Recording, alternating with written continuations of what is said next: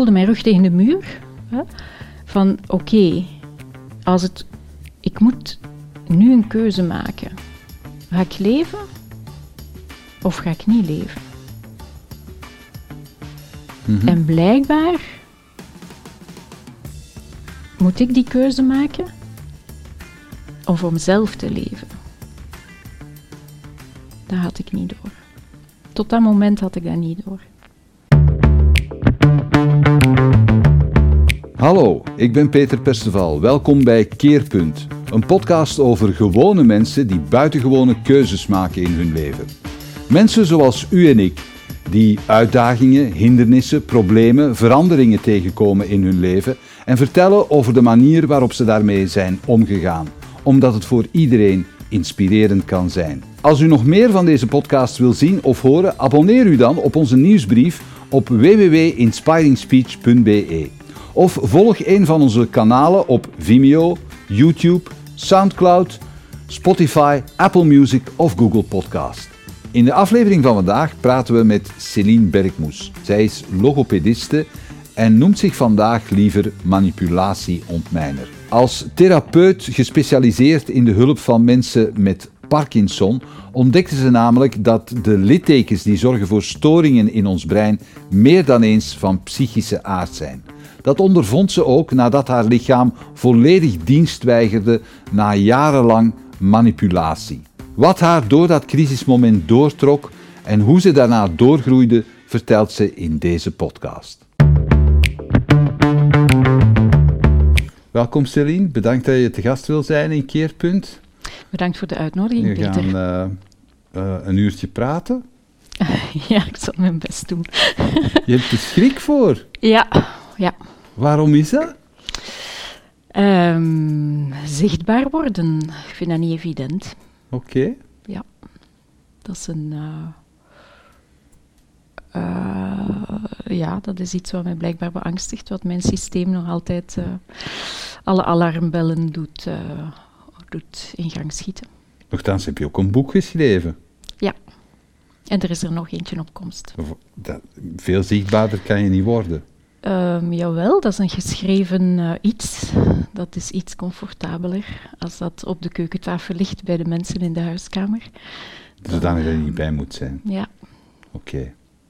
Maar dit is ook veilig, hè? Je bent er niet bij als ze het bekijken. dat is waar. Oké, zo had ik het nog niet bekeken. Kijk, Voilà. En Ik ondertussen hebben wij gewoon een gezellige babbel. dat Celine, daar kijk ik naar uit. Wat, wat moeten wij weten van jou om, om te weten wie Céline is eigenlijk? Oei. Wel, ik heb. ehm, de titel van het boekje dat ik heb gemaakt is Waarom ik ben. Mhm. Ehm, en dat zegt alles. Omdat ik het lang niet wist en nu wel een beetje richting heb gevonden. Mhm. Ehm, maar wat moet je dan weten? Peter, echt. Wat Waar is wat begonnen? vraag is dat want Waar op is begonnen? Op jouw op jou, op eh, visitekaartje en op, op officiële registratie staat dat jij logopedist bent. Maar je, je hebt een heel parcours afgelegd, hè?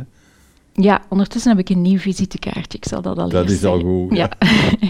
Eh, en daarop staat manipulatieontmijner. Dus dat is een, eh, Mhm. iets anders dan eh, logopediste. Ik ben inderdaad logopediste.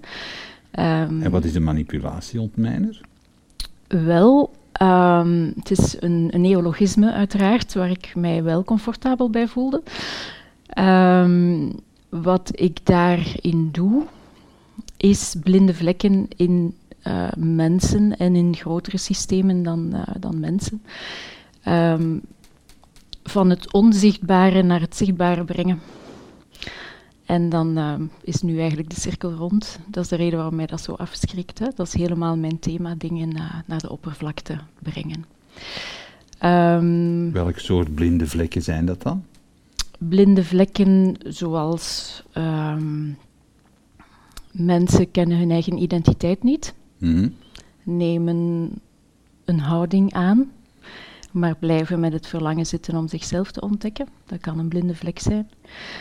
Ehm, overwaardering of onderwaardering, de oorsprong daarvan is een blinde vlek. Mhm. En het is eigenlijk dezelfde oorsprong eh, bij onderwaardering en bij overwaardering. Maar het kan ook eh, onmacht of net overdreven machtig willen zijn. Dat zijn allemaal zaken die veroorzaakt worden door een blinde vlek. En een blinde vlek ehm, is eigenlijk in een mensenleven gekomen om een, een talent, iets waar ze goed in waren, om dat te beschermen. En het, Te beschermen. Ja. Oké. Ja. En dan wordt er eigenlijk een soort van filter op je perceptie geïnstalleerd, waardoor je vanaf dan door een, ehm, een bril kijkt met een filter. Mhm. En eh, die filter zorgt ervoor dat de overtuiging die er ooit is ingeslopen, dat die elke keer opnieuw bevestigd wordt. Omdat je bepaalde dingen niet hoort, bepaalde woorden niet kan horen. ehm, omdat je bepaalde interpretaties elke keer opnieuw maakt, ook al is het helemaal niet zo bedoeld aan de andere kant. Ehm, Kan je er eens een voorbeeld van geven? Ehm, ja. Ehm, Welk soort talent, hè, want je zegt dat nu, het is, het, is, het is er gekomen om een, soort, om een talent te beschermen. Welke soort talenten worden er dan beschermd door blinde vlekken? ehm, ik, heb, ik heb geen. eh, ja, het is, meer, het is zo op mensenmaat, allee, of uniek. Ja. Iemand zijn uniek talent dat je ze niet kan benoemen. Van oké, hier is een lijstje, eh, kies, Nee. maar, kies maar iets wat bij jou past. Ehm, het gaat er meer om. Wat kom ik hier in deze wereld doen? Wat heb ik eigenlijk te doen en hoe kan ik dat op mijn manier doen? Wat is mijn manier om mijn leven te leven? Mhm. Ehm, maar door die blinde vlekken wordt dat eigenlijk gehypothekeerd. Dat, ehm, we kunnen dat niet zomaar ja, beleven. We beleven misschien de negatieve kant ervan, maar daarom niet de positieve kant. Mhm. Heeft iedereen daarmee te maken? Gemiddeld hebben mensen twee tot drie blinde vlekken in hun Mhm. systeem. Waar komt jouw eh, engagement daarvoor vandaan? Ehm, wel, ik, ehm, ik merkte dat ik mij ehm, dat ik steeds dezelfde situaties in mijn leven tegenkwam en ik wilde dat beter onderzoeken. Dus dan ben ik op zoek gegaan naar mijn blinde vlek. Dan had ik die wel gezien, maar vond ik het nog moeilijk om, om dat ook om te vormen. En te brengen, om eigenlijk ja, het goud dat onder die blinde vlek zat, om dat te kunnen ontginnen. Ehm, dus daar ben ik mee aan de slag gegaan. Ik merkte ook, want ik heb zelf wel wat therapeuten afgelopen, en ik merkte dat dat altijd zo'n heel traag proces was. Ehm, ik vond dat nogal vermoeiend. En dat kostte ook veel tijd, best veel tijd. Maar ik bleef op mijn honger zitten. En dan, ehm, ja, als ik daar nu op terugkijk, dan denk ik van had ik maar. Hè. Als, ik, als ik toen maar een manipulatie op mij er tegengekomen, dan zou ik op een termijn van enkele maanden eigenlijk op zijn minst dat inzicht kunnen hebben. Ja. Je hebt dan nadien nog veel tijd nodig om het ook in, in daden om te zetten. Maar, Mhm. maar het inzicht is er. En ehm, ja, sorry, ik, daar is wel een, een teleurstelling ehm, in, de, in de medische sector gekomen. Ik, ik, al die mensen hebben mij waarschijnlijk een stapje vooruit geholpen, maar als ik terugkijk, dan denk ik van dit had veel sneller gekund. Ja. Als iemand mij had durven zeggen toen van eh, jij, jij veracht jezelf. Hè? Als iemand dat had durven zeggen, eh, en niet één keer, want een blinde vlek, iemand zegt dat tegen jou, maar dat je hoor je in het begin was je klaar om zo'n dingen te horen? Ehm, toch wel veel sneller dan, Mhm. dan dat het uiteindelijk was, ja. ja. Ja, de symptomen waren er ook, hè. dus men had dat kunnen aangrijpen om, om dat op tafel te gooien. En niet één keer, maar zoals ik zei, herhaaldelijk, omdat je dat nodig hebt. Je moet herhaaldelijk die boodschap horen, liefst met verschillende verwoordingen, tot wanneer je een kapstok hebt van ja, klopt wel, Ah ja, oké. Mhm. dit klopt wel. Dus je bent geëvolueerd van logopedist naar manipulatieontmijner. Heeft het een iets met het ander te maken? Zeker. Ehm, in die zin dat als logopedist ga je proberen om mensen te helpen om zich zo goed mogelijk uit te drukken, in gelijk welke vorm uh, dan, dan ook. Uh, dus je werkt vooral op vlak van expressie. Um, als we de lijn doortrekken, uiteraard doen logopedisten veel meer dan dat, maar de link tussen beide is absoluut het, het stuk waar je als manipulatieontmijner toch probeert om um, die kern, die diepe kern die eigenlijk onzichtbaar is, om die wel tot uiting te kunnen brengen op een of andere manier. En daar, ja, daar heeft het ene wel het andere in gang gezet. Ja. Was dat een soort uh, tipping point, een soort punt waarop je zei van ja, oké, ik, moet, ik moet anders met die kennis gaan omgaan of ik moet anders met, die, ja. met dat engagement gaan omgaan? Um, ja, zeker. Um, ik heb eigenlijk mij vooral gericht op uh, mensen met neurogene stoornissen, wat, wat vrij zware pathologieën zijn meestal. En, zoals um, Parkinson bijvoorbeeld. Zoals Parkinson bijvoorbeeld, ja. ja. en, en ik merkte van, ik kom altijd te laat in het proces. Ja? Dus je hebt dingen die gebeuren in jouw leven, die ingrijpen, die eventueel traumatisch kunnen zijn, of je dat nu door hebt of niet. Mhm. Vaak hebben we het niet door, denk ik. Ik denk dat we allemaal veel gevoeliger zijn dan, dan dat we eigenlijk op dit moment als voor waarheid aannemen. En dan, dan gaan we daarmee aan de slag. Dat geeft vorm aan ons leven. We gaan dingen beginnen negeren, ontkennen, gewoon om te kunnen blijven leven. En op een of andere manier installeert zich dat toch binnen in ons systeem. Ja. En dan is het een, de vraag wanneer gaat het zich materialiseren? Wanneer gaat het zichtbaar worden in een menselijk systeem? En met zichtbaar bedoel ik dan meetbaar voor de medische wereld. Mhm. ja. Die twee zijn naar elkaar toe aan het groeien en dat is, dat is fantastisch. Hè? Daarom is dit nu een, een heel bijzondere, leuke periode. Ja. Omdat je die integratie ziet Mhm. gebeuren. Ehm, maar ik, ik, ja, ik kwam op het punt dat ik zei van ik kom telkens te laat in dit proces. En hier kan ik nog wel iets betekenen, maar ook niet wat ik echt wilde.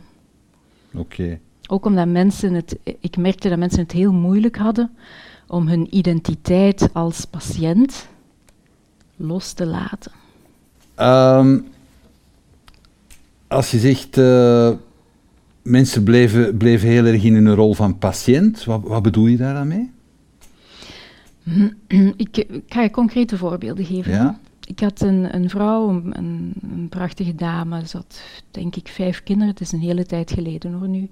Het geval, ze had ehm, belangrijke hersentumoren, waardoor haar gedrag heel erg veranderd was en haar relatie met haar gezin gewoon eigenlijk onmogelijk was. Maar het heeft lang geduurd vooraleer men doorhad dat er een hersentumor in het spel zat. Nu, bon, dit, dit allemaal terzijde.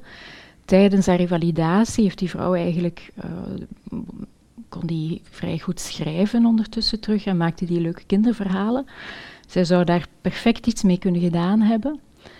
Ehm, en als ik haar daarmee confronteerde, niet één keer, maar verschillende keren, dan, dan komt de vraag eigenlijk van, ja, maar ja, ehm, dat kan toch niet, Celine? Ik bedoel, dan, dan zou dat betekenen dat ik iets kan en dat ik niet meer ziek ben en dat ik ook geen recht heb op een uitkering. Mhm. Ja, dat is... Als je dan mensen probeert te helpen, dan is dat, nou, als je dat een aantal keren hebt gehoord, dan weet je dat er een soort, het is ook een vorm van een glazen plafond, waar je eigenlijk niet, niet door raakt op dat moment. En dat is, ja, dat vond ik vervelend. En Is dat een soort constructiefout in het systeem dan? Absoluut. Ja, absoluut. Ik denk, ik denk, ehm, stel, stel nu dat, dat iemand ehm, negatief nieuws krijgt van, van een, een, na een, medisch onderzoek, dan, dan is onze eerste reactie, of toch vrij algemene reactie, och arm, hè, och arm die persoon. En ik denk dat wij voor hetzelfde geld zouden kunnen zeggen van, hey, goh, amai, ja, het is wel moeilijk wat je nu voorstelt, maar proficiat, want eigenlijk heb je een leerkans, heb je een groeikans. Mhm. Stel je voor dat we zo zouden omgaan met elkaar, dat zou toch van in het begin veel meer versterkend zijn, elkaar vertrouwen geven. Ehm, ja, ik zou dat fijn vinden. Zouden ook wel veel mensen het raar vinden nu, denk ik. Oké. Nee? Denk je dat niet? Och, dat kan. Dat kan, Peter, ja. Stel dat je tegen iemand met kanker zegt van, amai, je hebt een geweldige leerkans. Ja, wel, ik weet het niet. Ik Mhm. weet niet of mensen daar nog zo raar zouden op, op reageren. Het hangt er een beetje vanaf de manier waarop je het vertelt, natuurlijk. Mhm. Ehm, maar ik vind ocharm... Je duwt iemand in, in, in een lagere positie, gewoon door dat te doen. Je ontneemt iemand ook verantwoordelijkheid, denk ik. Ja, absoluut. Mhm. absoluut. En zelfbeschikkingsrecht, hè. Ja. Ehm, heel ons systeem is daar ook op gebaseerd. Hè? Ah, je hebt nu die diagnose, eh, jij moet nu dit en dat. Dat stoorde mij ook als logopediste, want mensen kwamen en die zeiden van, meneer dokter heeft gezegd dat ik bij u moest komen. En dan, ja, die, die motivatie is er eigenlijk niet om iets te veranderen. Het resultaat wel, hè? men wil allemaal direct terug, terug dit en dat kunnen doen, maar zo werkt het natuurlijk niet. Hè? Ja. En daar, ik denk ja, dat dat een fout is in ons systeem. Ik denk dat daar heel veel geld verloren gaat, veel motivatie, veel energie verloren gaat ook gewoon. Hoe lang heeft dat, dat proces geduurd bij jou, dat je zo die, die bewustwording... Ehm, hmm. Wel, ik zie, ik zie twee, twee punten daar, ehm, twee schakelmomenten Mhm. eh, in mijn bewustwording. En dat was eh, in, eerste moment toen ik ehm 15 maanden zelf thuis ben geweest. Je bent ziek geworden. Ik ben zelf ziek geworden, ja. Ehm, ik ehm, had toen het Epstein-Barr-virus, maar dat had men niet meteen ontdekt, want ehm, Wat is dat precies? dat is een, een vorm van klierkoorts. Mhm. En ehm, ja, een virus waar je vooral heel erg moe van, van wordt en niks meer aan kan. Ehm, maar ik Mag ik daar even ben- eerst op ingaan? Ja? Want ja. eh, zo'n virus, dat is eh, zeker dat, eh, zo- zo'n klierkoorts, Mhm. dat, dat krijgt echt pas vat op je lijf als je al een zekere mate van uitputting hebt, niet? En men heeft het ook maar zes maanden na de datum ongeveer gedetecteerd. Oké. Ehm, omdat je als zelfstandige gewoon doorgaat. Hè. En ik heb het zelf, voor mezelf pas kunnen toegeven op het moment dat ik met, ik weet niet, ik denk dat mijn dochter, het was 2014, dus drie jaar was, dat ik met haar de trap op probeerde te geraken en halverwege moest ineenzakte eigenlijk en niet meer verder kon. En dan huilen, want ja, je weet het niet meer. Hè. Je voelt dat je de kracht niet hebt om je dochter de trap op te dragen. Ehm, dat is confronterend. Dus dan wist ik van, hmm, dat is niet goed. En dan heb ik mij toch laten onderzoeken en dan was dat uiteindelijk het resultaat. Ehm, ja, wat heb ik, als je, als je jezelf veracht, dan... eh, het is logisch dat je jezelf dan niet echt verbijsterend goed verzorgt. Hmm. Ga je over je limieten. Ik had geen limieten. Ik wist niet waar de ander begon en waar ik eindigde. Dat wist ik niet. En ik, achteraf bekeken vertoefde ik vooral ja, buiten, buiten mijn eigen systeem. Mhm. Ik ging overal en iedereen proberen helpen, maar ik had werkelijk eh, ja, geen idee van mijn eigen identiteit. En dat werd pas duidelijk. Ik was al enkele maanden thuis. Hè. Ik had geen inkomen meer, want als zelfstandige moet je daar zelf voor zorgen. Ehm, en ik bel uiteindelijk naar mijn eh, sociale kas, zoals dat heet. Ik weet nog heel goed waar ik zat thuis.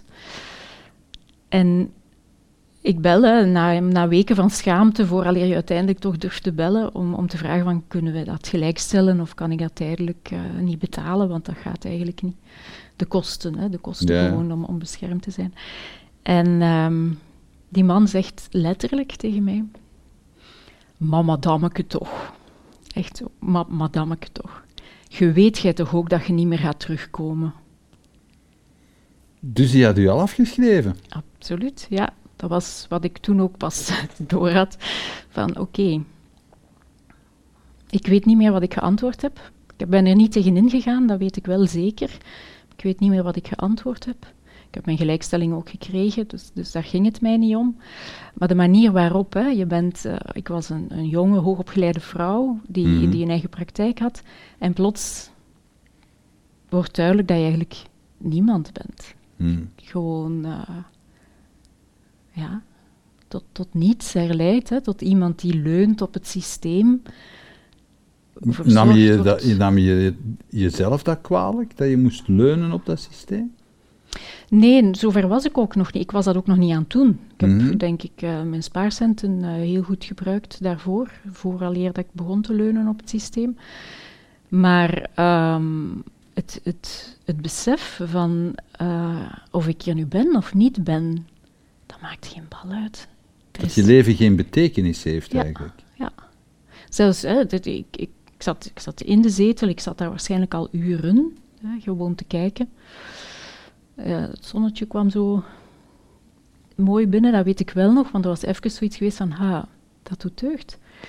Ehm, dan had ik dat telefoontje gedaan, dat was waarschijnlijk net genoeg energie om dat telefoontje te doen. Maar het huis is leeg, hè. je man is gaan werken, de kinderen zijn het huis uit. Er is niemand die op jou zit, zit te wachten. En dat besef, ja, er was mijn, binnen mijn systeem was er eigenlijk, mijn binnenwereld had niks meer over. Ik had geleefd ten voordele van alle andere mensen en ik, ik had geen idee waar ik voor stond, of wat ik nu juist leuk zou vinden, of wat de betekenis van mijn leven zou zijn. Dat was het begin van een, eh, een serieuze verschuiving, ja. Dat was het. Er zijn mensen die op zo'n moment uit het venster springen. Absoluut, en dat begrijp ik ook heel erg goed. En ik moet toegeven dat dat een, een, een idee is dat mij soms ook eh, aanlokkelijk leek. Mhm. Ja. Dat is Waarom de keuze die je maakt. gedaan? Hè? dan? Waarom heb je het niet gedaan? Omdat ik, ik heel, dat is het keerpunt eigenlijk in, in, in mijn leven. Ik voelde die rug, eh, ik voelde mijn rug tegen de muur. Hè, van oké, als het, ik moet nu een keuze maken. Ga ik leven of ga ik niet leven? Mhm. En blijkbaar moet ik die keuze maken om voor mezelf te leven. Dat had ik niet door. Tot dat moment had ik dat niet door. Wat was de implicatie daarvan? Als je zegt van ik moest die keuze maken voor, om voor mezelf te leven, want dat betekende dat je je leven helemaal anders moest gaan inrichten dan. Ja. Ik heb in een ehm, enkele maanden, waar ik mij nu niet zo heel erg veel meer van eh, herinner, hè, behalve enkele momenten wel. ehm, en dan heb ik heel erg ontprikkeld. Dus zoveel mogelijk de buitenwereld proberen weg, wegfilteren. Ehm, Dat is niet erg hoor, ja, dat dat tikt. eh, de buitenwereld wegfilteren gedurende maanden. En ehm, op dat moment heb ik ook de tekeningen gemaakt in het boekje en heb ik wel een stukje tekst daar rond ook eh, geschreven, enkele haiku's. Dat kwam vanzelf, gelukkig. Hè, dat, dat was dan toch iets wat van binnenuit kwam. Je bent beginnen creëren eigenlijk. Ja, ja. Dat is interessant. Mhm. Ja, het is wonderlijk wat er in iemand leeft, hè? Ja? wat er in iemands binnenwereld zit. Ook al heeft dat nog geen eh, uitgang of geen platform gevonden. Je wist ook niet wat je ermee aan moest Nee, of zo. Het- nee, het was gewoon was- iets dat je zei van ik ga dit nu doen. Ja. Werd je erin gesteund? Werd je, werd je erin gestuurd om dat te doen? Van binnenuit heel erg. Ja.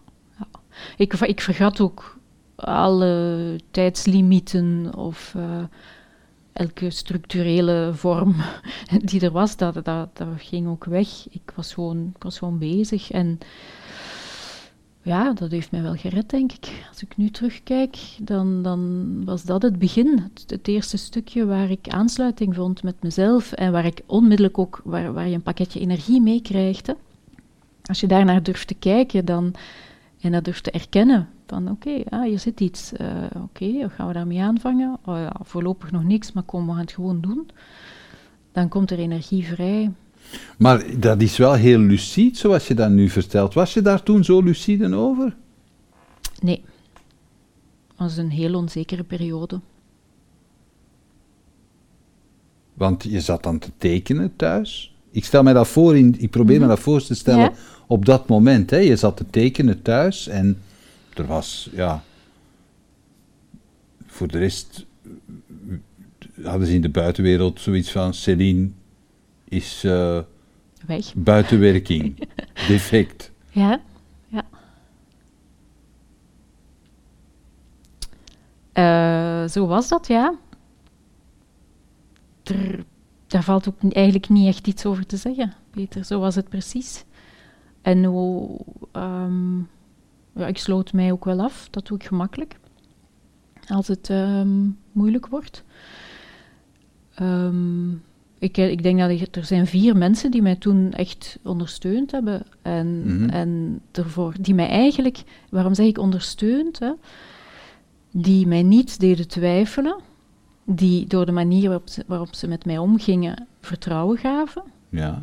En erkende van, je hebt het moeilijk nu, maar volgens mij ga je er wel komen. Zonder dat echt te zeggen, hè, maar het, gewoon de manier waarop ze contact met mij maakten, kreeg ik een stukje... Ja, zij zagen mij. Maar ze waren er wel. Er, er waren wel mensen die, die, die zagen, oké, dit heb jij nu nodig om, het, om terug op je plooi te komen. Ja, Mhm. ja. En die, daar, dat, die dat eigenlijk ook wel een stukje bewaakten. In welke zin? Hoe bewaakten ze dat? Door tijd te geven. Mhm. Door, ehm, ja, door mijzelf te doen inzien dat ik die ruimte nodig had. En door daar ook niet vreemd over te doen. Waren er mensen die er wel vreemd over deden? Ehm, iedereen die niet met die, onzekering, met die onzekerheid om kon, doet dat automatisch. Hè? Ja. Die stelt de vraag: wanneer kom je terug? Wanneer ga je er zijn? Wanneer kan mijn re- revalidatie verder gaan? Eh, wanneer ga jij weer eens koken? Ehm, dat is logisch ook. Hè? Je, mensen zijn op zoek naar perspectief, Zekerheid. zekerheid. Ja. Je hebt, eh, je, hebt, je hebt dat boekje dan gecreëerd, Mhm. maar van daaruit om daar ook iets mee in de buitenwereld te doen, dat is natuurlijk een hele stap nog. Wat, wat, wat, heeft, jou, wat heeft jou in gang gezet om te zeggen, ja, ten eerste, hoe, hoe ben je uiteindelijk terug opgestaan? Ja, Hoe lang heeft dat geduurd? Ehm, wel, als ik die verschuiving wil ehm, een beetje in twee punten in de tijd afbakenen, dan gaat het ene over de lente van 2015 en ehm, in de zomer van 2016 heb ik het gevoel, daar is een tweede keerpunt geweest, hè, op een eh Vipassana retraite. Dus een vrij strenge retraite waarin je tien uur per dag eh, op een kussen zit en mediteert en geen contact mag maken met andere mensen en volledig van de buitenwereld bent afgesloten. Daar had ik de zevende dag het, eh, een hele bijzondere ehm, gewaarwording, die, die voor mij levengevend was. Mhm. Ehm, en wat er gebeurde was, ik kon op één, het is een fractie, het zal geen fractie van een seconde, maar wel een fractie van een minuut zijn, kon ik mijzelf integraal zien. Dus alles wat negatief was, alle foute beslissingen die ik gemaakt had, iedereen die ik pijn had gedaan. En aan de andere kant alles wat ik goed had gedaan. Maar alle twee tegelijkertijd, simultaan, was het is een van de meest machtige gevoelens of, of ervaringen die ik ooit heb, heb doorgemaakt. Omdat dat klopt. Het is zoiets van, ah, ah oké, dit ben ik. Zo van nog. Ja? En daar op dat moment kon ik mezelf het leven ook gunnen. Ik had bij het eerste keerpunt beslist van oké, ik ga leven en ik ga proberen leven voor mij. Maar pas op het tweede keerpunt kon ik mij ook zelf het leven gunnen. Van het is oké, jij mag leven. Ik gaf mij daar bestaansrecht. Ik gaf waarde aan mijn bestaansrecht. Mhm. Dus het, het creëren van het boekje is, ja, dat was gewoon een, een verzameling tekeningen en wat woorden daarbij. Ehm, maar eigenlijk is dat pas in 2019 ehm, een beetje tot, eh, tot een zekere, tot de huidige vorm gekomen. En eh, weet ik nu ook pas van, nou, wat heb ik daar eigenlijk gemaakt? Eh, dat weet ik nu pas. Dat was toen zeker niet aan de orde. Maar als je jezelf ziet met, met al je kanten, Mhm. eh, hoe zorg je ervoor dat dat niet die zelfhaat gaat voeden dan? Omdat het zo. Het wordt zo duidelijk waarom je de dingen doet. Op dat moment. Je ziet waarom je al die foute stappen hebt gezet. Waarom je al die stomme dingen hebt gedaan. Mhm. En doordat ik die kon zien, kan, kon ik ook mijzelf de positieve kant toestaan. Waar, waar ik nooit oog voor had gehad, dat was eigenlijk mijn eerste blinde vlek. Ik, ik, er was geen positief beeld. Het was alleen een negatief zelfbeeld.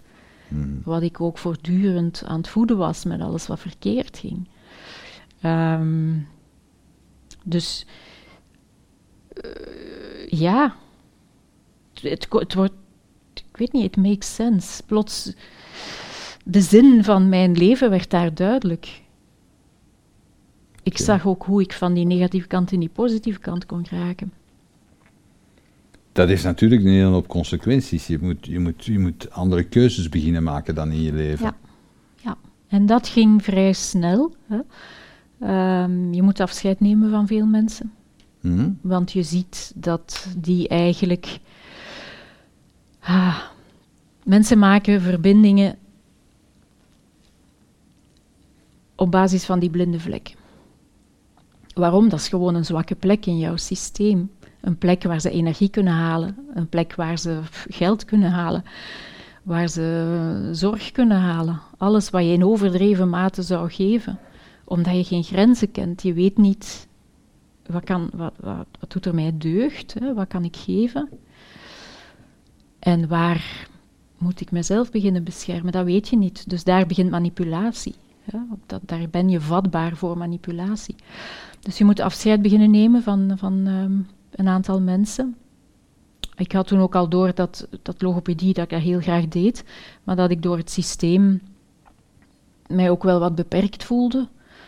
Ehm, en, en ik loop niet zo graag ehm, op dat vlak naast het reguliere systeem. Dus dan heb ik maar beslist van oké, ik, ga, ga dan maar volledig uit dit systeem stappen.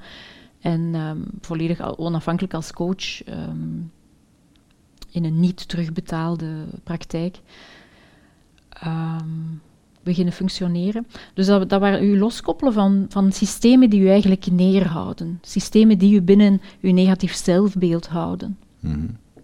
Waar je, waar je, je moet daar afscheid van nemen, want anders kan je daar niet doorgroeien. Je wordt elke keer opnieuw naar beneden getrokken.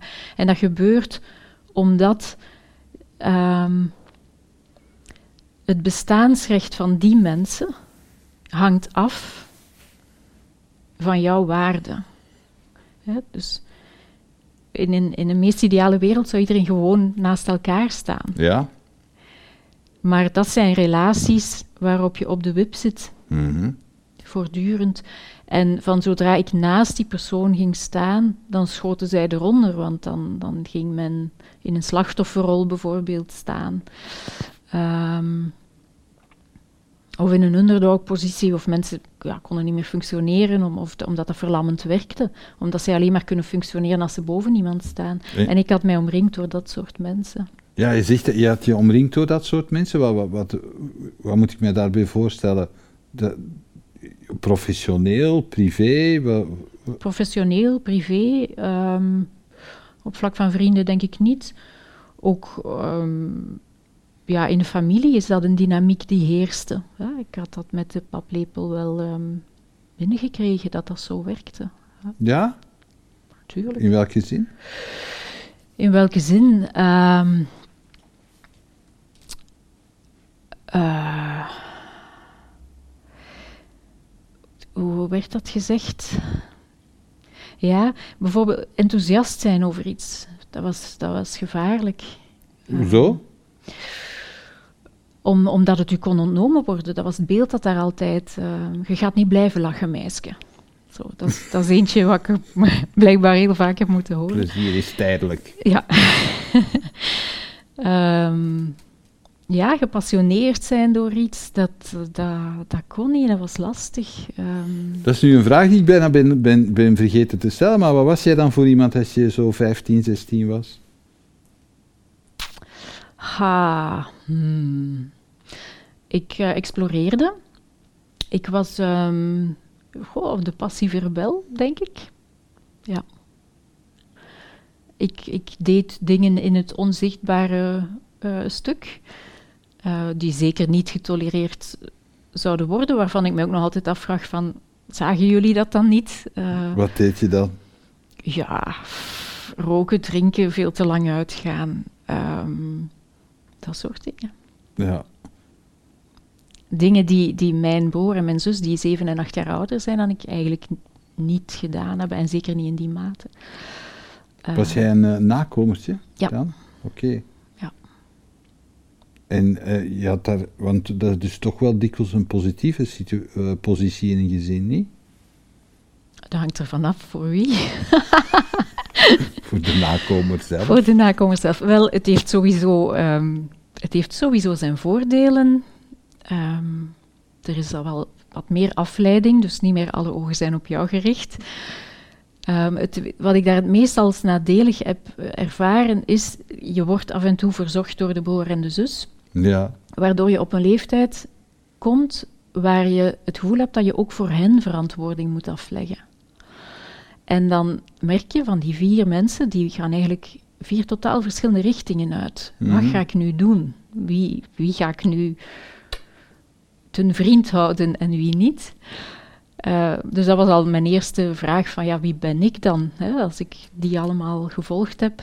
Ehm, maar dat blijkt het voor mij niet te zijn. Wat ga ik dan nu deze keer doen? Dus ja. dat vond ik daar wel, ja, dat vond ik daar moeilijk aan. Plus de vergelijkingen, ja, dat zorgt ervoor dat je sowieso iets anders gaat doen. Hè. Hm. Ehm, boeiend, kakkersnestje. Ik, het was grappig, want op weg naar hier dacht ik, dacht ik terug aan iets. En dat gaat eigenlijk over bestaansrecht. Ehm, ik weet nog dat ik, ik had een nachtmerrie. En ik, mijn zus, haar kamer grensde aan die van mij. En ik ging dan even bij haar. En zij zei toen, letterlijk, weet je, ehm, je moogt er zijn, jong. De varkens zijn er ook. Daar moest ik aan denken op weg naar hier. Van, ehm, oké, voilà.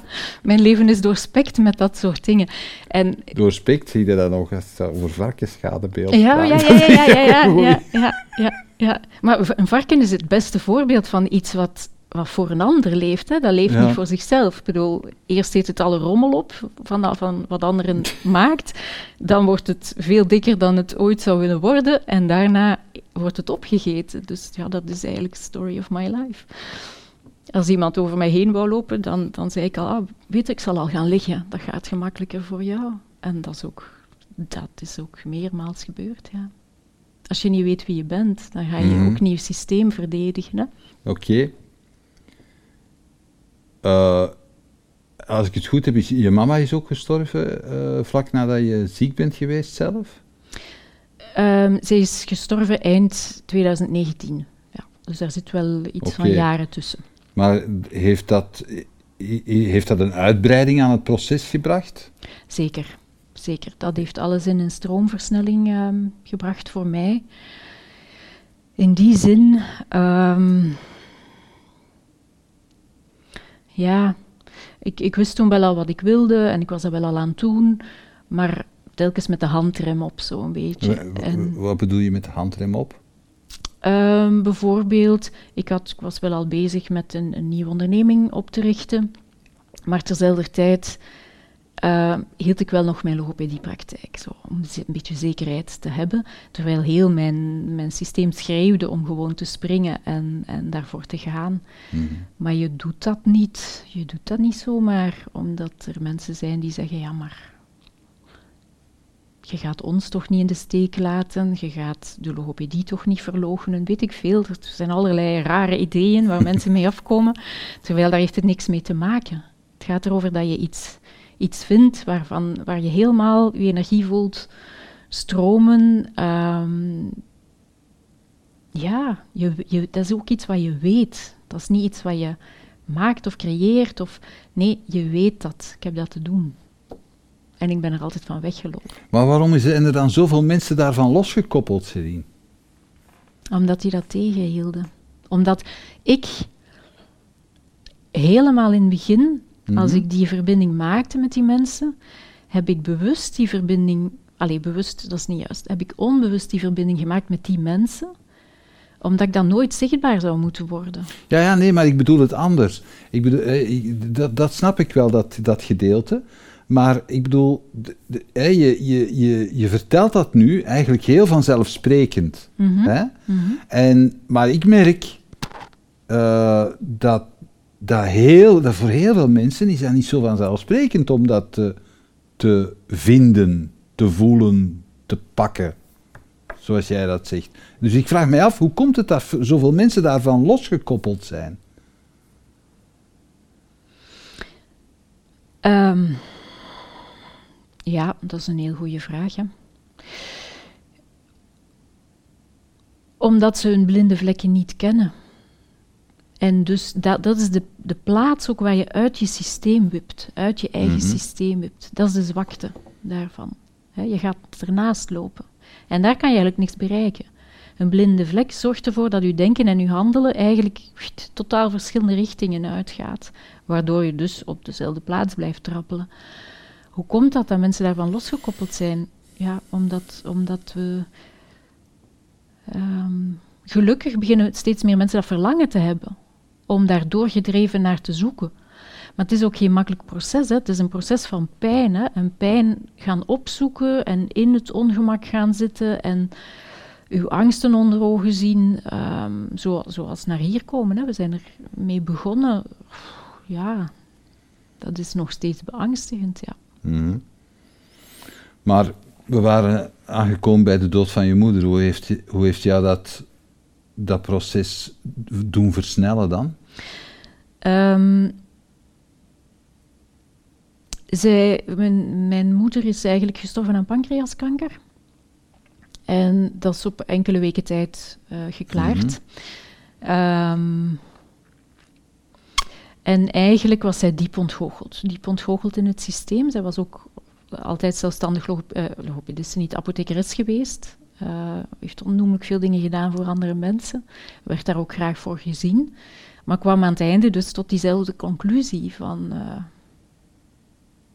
wat is dit nu eigenlijk? Hè? Waar ben ik? Ze had ook geen zin meer om, om dan nog te beginnen uitvinden. Ja?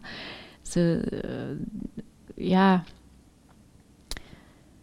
Die, die, de eenzaamheid die over haar heen trok. Van, ehm,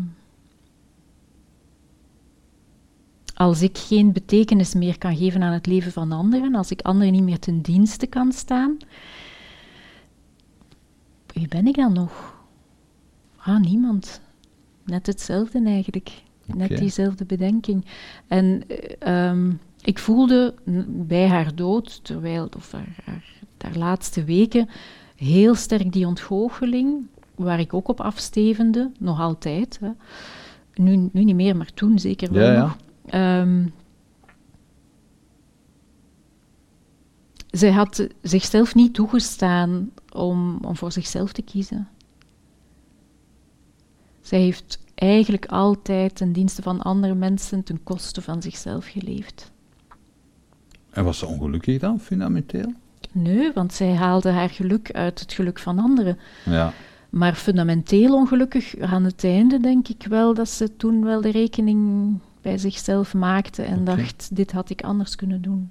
Ja. Je zegt, ik denk dat, maar eh, heb je met daarover gesproken dan? Die teleurstelling, die ontgoocheling, eh, ja, dat was heel duidelijk. Daar Ja. hebben we ook over gesproken. Hè. Ehm, ja, het systeem laat, liet haar ook in de steek. hè. Ja. Ehm, ja, hebben we daarover gesproken? Ja.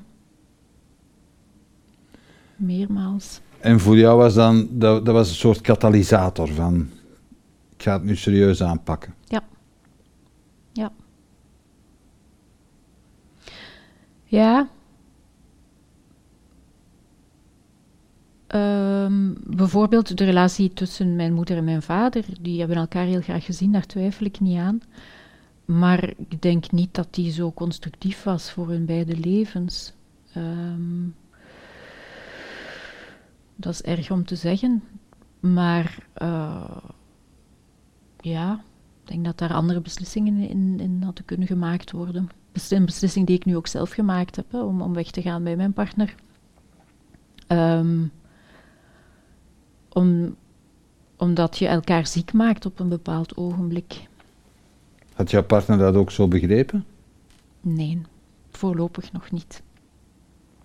Nu nog niet, bedoel je?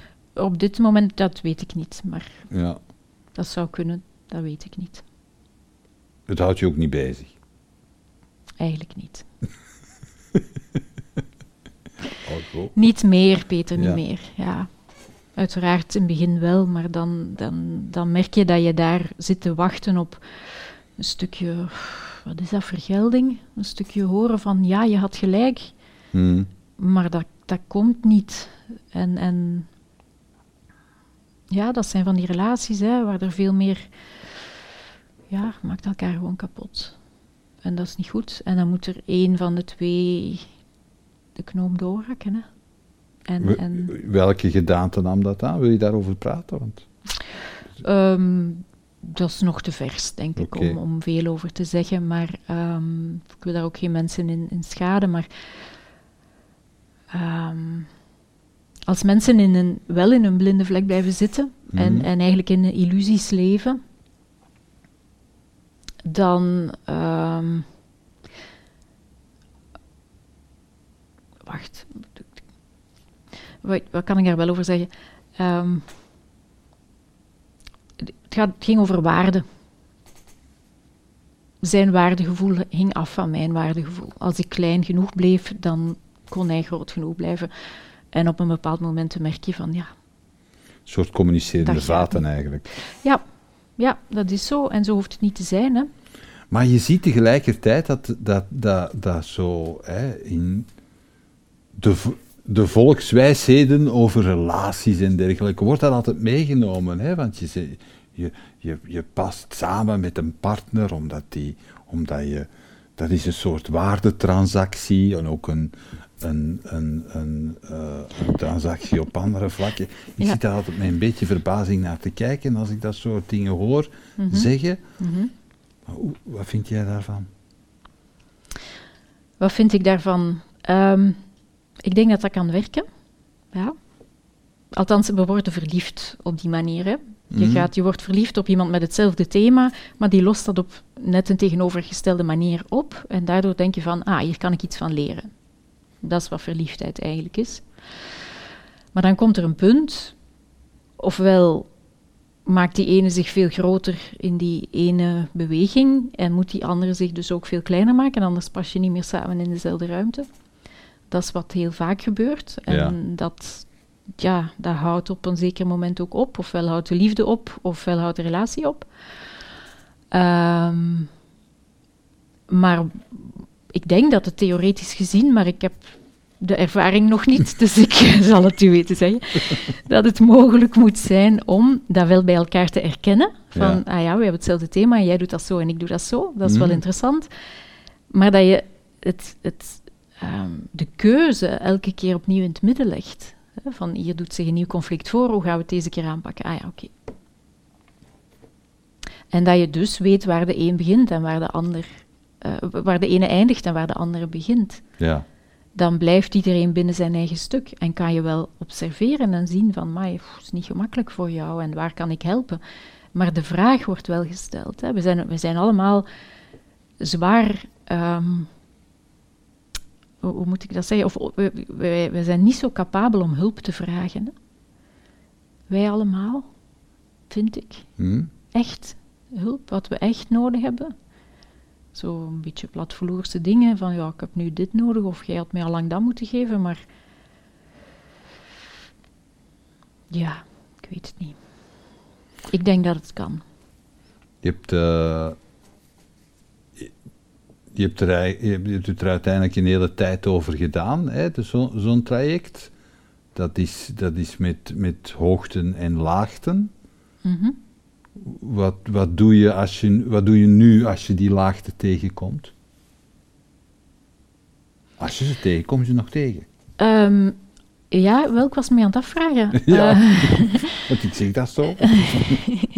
kom je Dat ze tegen? Wel, ik zie op zo'n moment dat ik zo'n laagte ervaar, ehm, ze is nooit meer zo diep als ze ooit geweest is. Dat, moet Mhm. ik, dat, dat, dat, weet, dat voel ik. Dat eh, vind ik onwaarschijnlijk. Dat ik nooit gedacht dat daar verschil in zou kunnen zijn.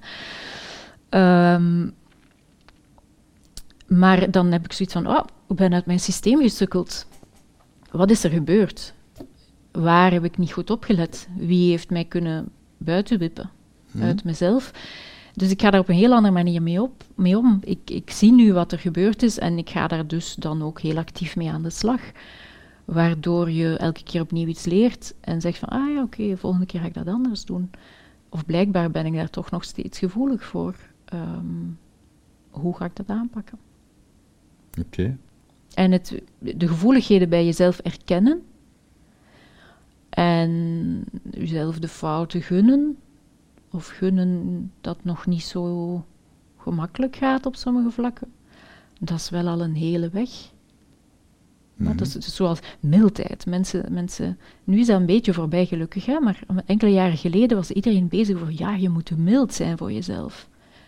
Ja, ik kende dat woord wel, ik wist wat het volgens het woordenboek betekende, maar ik had daar geen voeling mee. Als je jezelf veracht, mildheid. Ik had totaal geen enkele aansluiting met dat woord. Ik wist niet wat ik daarmee moest doen. En nu betekent mildheid voor mij ehm, dat je ook al eens kan zeggen van ja, het is goed genoeg. Of dat ik, het, het is begonnen met geen oordeel over mezelf te hebben. Dat was het begin van, van de mildheid die ik op mezelf kon toepassen. Dat ik Ja. niet altijd moest klaarstaan met een oordeel, een afstraffing, iets wat niet lukte. Iets waar ik mezelf gewoon boycotten om het niet te doen lukken. Als ik dat kon laten, dat was het begin, of mijn eerste ervaring met mildheid. Ja. Mhm. Dus nu ga ik telkens opnieuw actief aan de slag om ehm, mijn brandpunt in mijn cirkel te leggen. Hè. Oké. Je hebt ook een dochter. Ja, Slaag je erin om haar, om haar dat allemaal bij te brengen? niet alles in één keer. Ehm, alhoewel ik moet zeggen dat eh, oef, het soms onwaarschijnlijk is wat zo'n kind dan tegen, tegen mij zegt. Hè? Hm? Wat ze teruggeeft. En dan denk ik van, potverdorie, ze heeft gelijk. En dan denk ik ah, van, ah ja, oké, ik heb dat waarschijnlijk iets eerder tegen haar gezegd. Dus het, het komt, ze geeft het mij terug. Wat ik al heb aan haar kunnen overbrengen, geeft ze mij nu op bepaalde momenten terug als ik het even vergeet. Dus zo mooi kan het worden. Kan je er een voorbeeld van geven? Ehm, hmm. Ja, bijvoorbeeld als iets niet lukt, eh, dan kan ze antwoorden: Oh, mama, het is niet omdat het vandaag niet lukt dat het morgen niet kan lukken. Zo, dat is een klein voorbeeldje. Ehm, of mama, ja, we moeten niet iedereen tevreden stellen. Zo. Dat zijn kleinigheden, maar ze, ze zegt dat wel en, en Ja. dat is heerlijk. Ehm, we leven nu in een periode waarin mensen heel erg in een, in een, in een medisch harnas geduwd worden. Mhm. En heel erg eh, betekenis verliezen. Want eh, er is onderzoek over geweest eh, dat het, het, het geluksgevoel is drastisch gedaald sinds de hele epidemie is opgedoken. Omwille, een van de factoren is dat mensen echt geen de betekenis van hun eigen leven aan het verliezen zijn. Mhm. Wat, wat is jouw reactie daarop? Ehm, ik- het is heel goed dat er onderzoek naar gebeurd is. Ja? Ehm, wat is mijn reactie daarop? Ik kan mij dat heel goed voorstellen. Ehm, eh, het, het- ja, we worden eigenlijk mas- massaal in een identiteitscrisis geduwd. Hè? Hmm. hierdoor. Ehm, dus er zijn heel wat mensen die nu ontdekken dat ze een binnenwereld hebben. Dat vind ik daar wel goed aan. Het, het feit dat we anderhalve meter afstand moeten nemen, geeft elkaar letterlijk wat de ruimte, maar zorgt er ook voor dat we dat elkaar niet aanraken, dat er weinig energieoverdracht ehm, kan Mhm. gebeuren. Dus mensen worden heel sterk met zichzelf geconfronteerd. Dat vind ik er goed aan. Ik denk dat dat positief zou kunnen uitdraaien. Ehm, het probleem is een beetje dat het allemaal zo nogal dwingend ehm, gecommuniceerd wordt en dat mensen hun zelfbeschikkingsrecht werkelijk weggenomen wordt. Mhm. Of een idee van zelfbeschikkingsrecht. Ik vind het een interessante periode. Het is geen makkelijke periode voor niemand, denk ik. Maar ehm, ik, ik denk dat het ons uitnodigt om te gaan ontdekken van waar eindigt mijn stuk en waar begint jouw stuk. En dat dat iets makkelijker gaat omdat we toch al afstand moeten houden. Mhm. En omdat we ons niet kunnen laten afleiden door cultuur, ehm, werk, weet ik veel. Hè, op, op, op café gaan, eh, een restaurantbezoek. Alle leuke dingen, die zijn er nu niet. Dus da- daar is... Ja, we missen dat, maar wat missen we daar eigenlijk? Is het het afleidende? Of is het het voedende? Het voedende wat cultuur kan hebben. Ik weet het niet. Ik denk iedereen moet dat voor zichzelf uitmaken. Ja. Voor mij is het het voedende.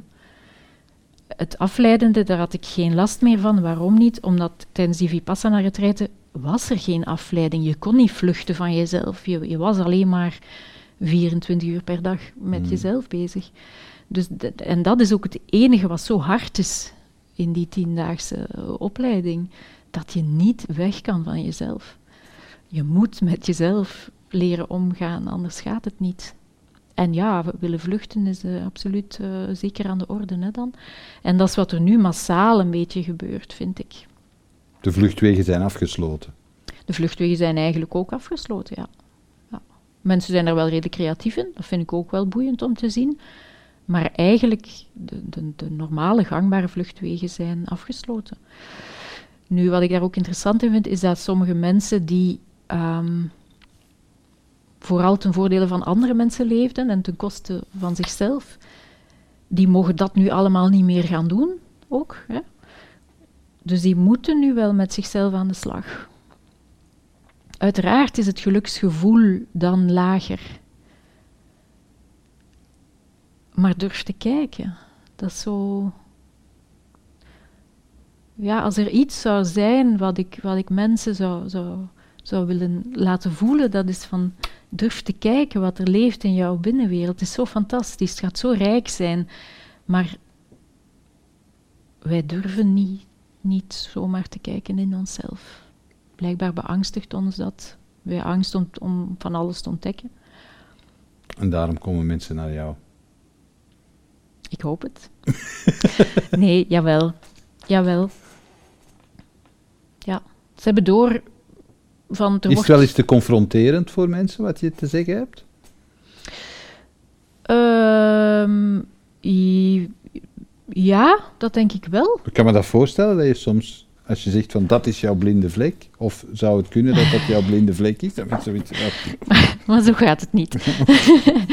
ik, ehm, ja, zo gaat het niet. Nee, zo gaat het niet, Peter. Ehm, ik geef het niet op een bordje. En ehm, dat zou snel afgerekend zijn. Nee, ik laat het hen zelf ontdekken. En het is ook Mhm. maar altijd mijn perceptie. Dus ik kan hen een verhaal eh, Mhm. aanbieden waarvan zij moeten voelen van, is dat mijn verhaal? Klopt Ja. dat? En, en waar, waar is het mijn verhaal en waar niet meer? Mhm. Ehm, dus het is een, een proces van ontdekken, samen ontdekken. En ik stel alleen maar vragen en vraag hen ook om te voelen van, "Oeh, wat gebeurt er hier?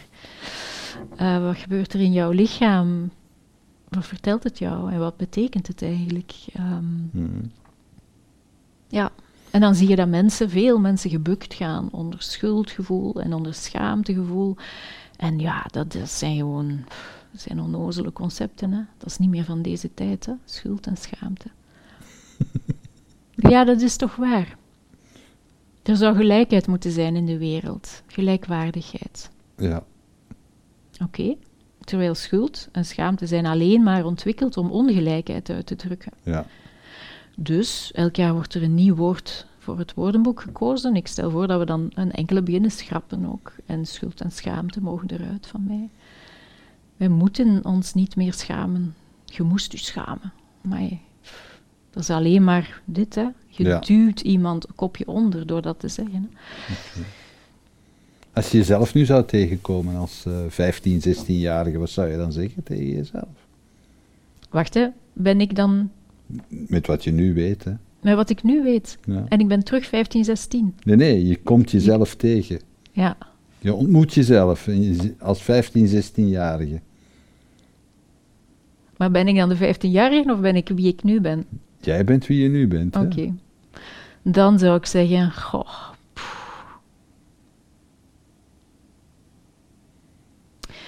Leef ten voordele van jezelf en niet ten koste van een ander. Dat zou ik zeggen. Maar begint eraan, hè. Elke dag opnieuw. Elke keer opnieuw. Maar mensen vinden dat juist soms het, hetzelfde. Dus als je ten, ten voordele van jezelf leeft, dat je dan ten koste van iemand anders leeft. Hè, men, zo, ook zo'n populaire, populaire wijsheid die zegt van ja, de, je, jouw vrijheid eh, eindigt waar die van de volgende persoon begint. Maar misschien heb ik mij misproken. Mhm. Het, ehm, als jij jouw stuk durft in te nemen, zonder dat het ten koste gaat aan een ander. Zo bedoel ik het. Oké, Dus dat is de inverse ja, ja, ja. van, ja, Oké, ja, dan is het het logisch. is net het omgekeerde Ja. stukje. Ja. Oké. Dus ehm, ja, misschien heb ik het verkeerd gezegd, dat kan. Dat is niet erg. We hebben lang genoeg gepraat om, het, eh, om, het, om de mensen het, eh, de voedsel voor gedachten te geven. Oké, Food for thought. Bedankt Celine. jij bedankt Peter. Ik wens jou een heel mooi tweede boek. Jouw Dank wel. eerste boek is nog altijd te verkrijgen. Inderdaad, via de website. akemiu.com. Kom, of kom gewoon, dat kan ook. Al, ik bedoel, mensen kunnen komen. Ja. Ja. Oké. Hartelijk bedankt. Bedankt dat je keek naar deze aflevering van Keerpunt. Wil je op de hoogte blijven van nieuwe afleveringen en nieuwe interessante gasten? Abonneer je dan op onze nieuwsbrief via www.inspiringspeech.be. Iedere twee weken brengen wij een nieuwe aflevering online op inspiringspeech.be, YouTube, Vimeo en Soundcloud. Tot ziens.